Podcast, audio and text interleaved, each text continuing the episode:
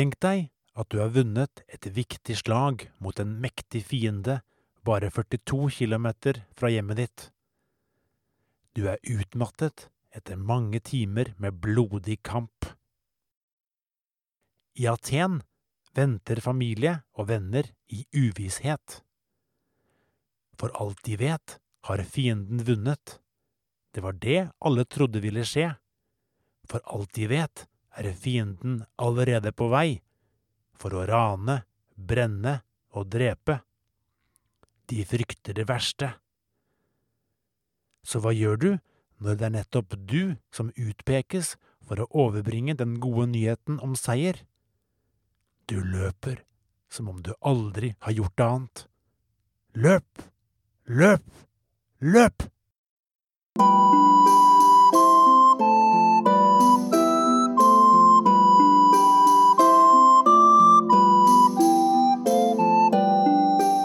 Velkommen til Helter og legender fra antikken, en podkast for unge. Episode 11 Den store fienden Slaget ved maraton. For to episoder siden hørte vi om Sparta, hvor det meste dreide seg om å utdanne de tøffeste krigere som Hellas kunne oppdrive. I mange år valset Sparta soldater over alle andre greske hærer. Men når de greske bystatene ikke var travelt opptatt med å bekjempe hverandre, hvilket rike var det som kunne utgjøre en trussel så stor at de var nødt til å slå seg sammen for å overleve? Svaret er Perserriket. Perserne var i lang tid grekernes verste fiende, og de forsøkte flere ganger å erobre Hellas og de greske bystatene. Perserne bodde langt mot øst og hadde sine viktigste områder i det som i dag er Irak og Iran. De klarte å erobre svære områder og var i lang tid en supermakt. På sitt største omfattet Perserriket områder så langt øst som dagens Pakistan, og så langt vest som deler av Bulgaria. Også Egypt og området lenger sør i Afrika, i Sudan og Eritrea, lå lenge under persisk styre. Den persiske hæren omfattet titusener, kanskje hundretusener, av soldater og hesteryttere. De hadde sans for å bruke stridsvogner tråkket av hester. Vognene var ganske små, med vegger foran og på siden, og med plass til to til tre mann, vanligvis en vognfører som styrte hesten, og to krigere. Krigere var som regel utstyrt med buer. Vanlige fotsoldater som for første gang møtte de persiske stridsvognene i kamp, må ha fått sjokk. Tenk deg et øyeblikk at du er en slik fotsoldat mens du er tvunget til å løpe rundt med sverd og spyd, står fienden plassert på en vogn trukket av raske hester, delvis beskyttet bak vegger, mens han skyter pil etter pil mot deg og dine kamerater. Stridsvognenes raske bevegelser gjør at du føler deg som en snegle. Ikke akkurat noen ønskesituasjon. Men eh, stridsvognene var ikke like egnet overalt. Det var best å bruke dem i flate områder. Perserne var godt kjent for å ha mange gode bueskyttere, som kunne sende enorme pilsvermer mot fienden. De persiske soldatene kom fra ulike deler av det enorme riket, og snakket ikke alltid samme språk. De ulike folkegruppene i den persiske hæren kunne også ha forskjellige måter å krige på. Noen var gode med spyd, andre med sverd, atter andre var kanskje flinke med pil og bue. Det forekom til og med at grupper av greske soldater kjempet på persisk side. Dette høres kanskje rart ut, men som vi husker, var ikke Hellas et samlet land i antikken. Noen ganger kunne en gresk bystat se seg tjent med å kjempe sammen med perserne, for eksempel for å svekke en rivaliserende bystat. Andre ganger var det ren tvang som førte til at en bystat kjempet sammen med perserhæren. De persiske kongene bygde seg flotte palasser og samlet seg enorme rikdommer og gullskatter som det gikk gjeteord om i Midtøsten og i middelhavsområdet. Perserkongen var så mektig at han ofte ble kalt kongenes konge. En persisk konge, kong Kyros, gikk enda lenger. Han kalte seg like godt universets konge.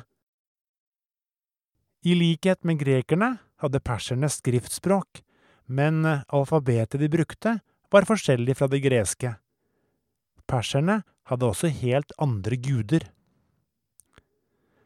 Stilt overfor en persisk hær ville en gresk bystat ha lite å stille opp. Skulle den ha en sjanse mot overmakten, måtte den slå seg sammen med andre bystater. Dette var ofte vanskelig å få til, for motsetningene mellom de greske bystatene kunne være store. I år 490 før Kristus var perserne på erobringstokt, og denne gangen var det de greske bystatene som de hadde i kikkerten. Det var ikke helt uten grunn at de var ute etter Hellas, for bare noen år tidligere hadde noen greske byer i det som i dag heter Tyrkia, deltatt i et opprør mot Perserriket. Sparta ble spurt om å være med på opprørernes side, men kongen der sa nei. Aten derimot syntes det var en god idé å delta i et opprør mot den persiske supermakten, og flere krigsskip ble sendt av sted for å hjelpe. Dessverre gikk det ganske dårlig for opprørerne, som etter få år med kamper ble helt knust. Men eh, perserkongen var ikke fornøyd med det, og han glemte ikke at Aten hadde kjempet mot ham. En av grunnene til at han ville invadere Hellas, var nok at han ville lære atenerne og andre grekere en skikkelig lekse. De som våger seg på opprør mot verdens supermakt, skal få svi! Først seilte de persiske krigsskipene over Egerhavet, som er havet mellom dagens Tyrkia og Hellas. De satte kursen mot den greske byen Maraton, som lå rett nord for Aten. Atenerne var informert om hva som skjedde, og de skjønte ganske snart at de kunne bli angrepet i sin egen by hvis de ikke handlet raskt. Den atenske hæren la i vei til Maraton det forteste den kunne. Aten sendte også ut budbringere til flere greske byer for å få hjelp, og fra et område i nærheten kom det heldigvis en gruppe sterke soldater som var villig til å slåss sammen med dem. En budbringer ble også sendt til Sparta, men da han kom til byen og forklarte hvilken stor trussel som nå var på vei, og ba om at spartanerne sendte soldater, var svaret nei. Grunnen var at de var midt oppi en festival. Og så kan man jo lure på om dette bare var en unnskyldning for å ikke hjelpe. Kanskje tenkte spartanerne at Aten kunne ha godt av en omgang persisk juling. Dessuten hadde jo ikke Sparta deltatt i opprøret mot perserne noen år tidligere. Dermed måtte atenerne slåss mot den persiske hæren nesten alene. I krig er det uhyre viktig å ha en god plan, for eksempel ved å sette ut troppene på en lur måte. Hvis du selv har flest fotsoldater, og fienden har mange og sterke hesteryttere, og stridsvogner, er det ikke sikkert det er smart å møte ham på en stor slette.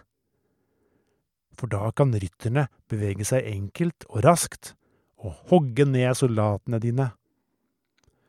I en slik situasjon kan det være mye bedre for deg om slaget isteden skjer i en skog eller en skråning eller i ulendt terreng. For da kan ikke hestene brukes like enkelt, og soldatene dine vil kunne bite bedre fra seg.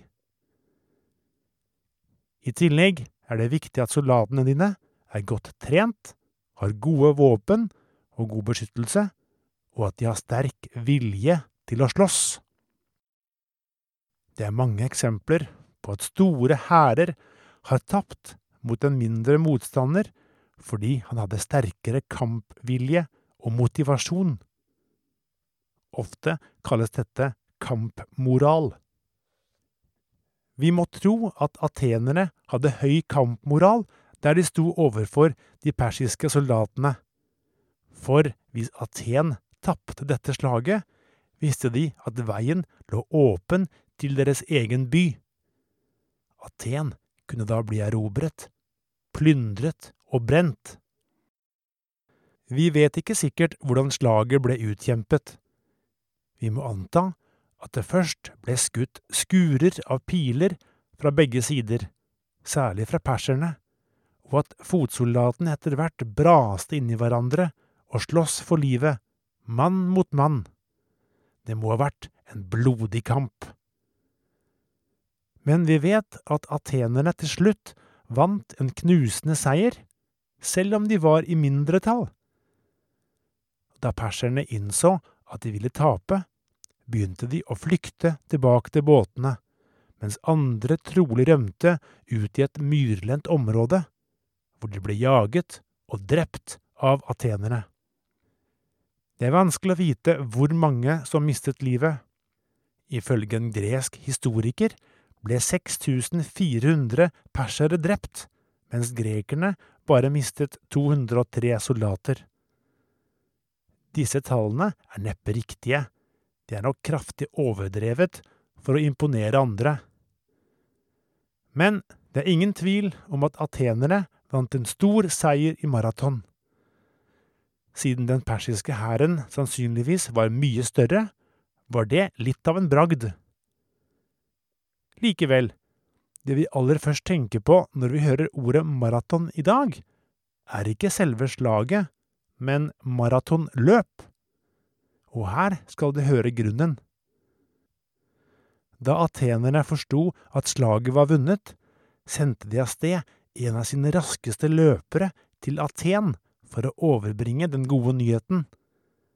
Han spurtet alt han kunne de 42 kilometerne, og kom omsider fram til Atens bymur. Der stoppet han opp, hev etter pusten og ropte Vi har vunnet! Og det var det siste han gjorde. Han segnet død om, utslitt etter kraftanstrengelsen. Og dette er grunnen til at vi i dag har maratonløp, og at distansen er 42 kilometer. Et av verdens mest populære løp er altså 2500 år gammelt. Det er nok slik at fortellingen om soldatens løp er mer legende enn en sann historie. Men det som er et faktum, er at slaget ved maraton gjorde at perserne holdt seg unna Hellas. En stund. Dette var alt for denne gang. I neste episode skal du få høre om hvordan det gikk da perserne forsøkte seg på nytt, og om et legendarisk slag med 300 spartanske krigere og forræderi av verste sort. Ha det godt!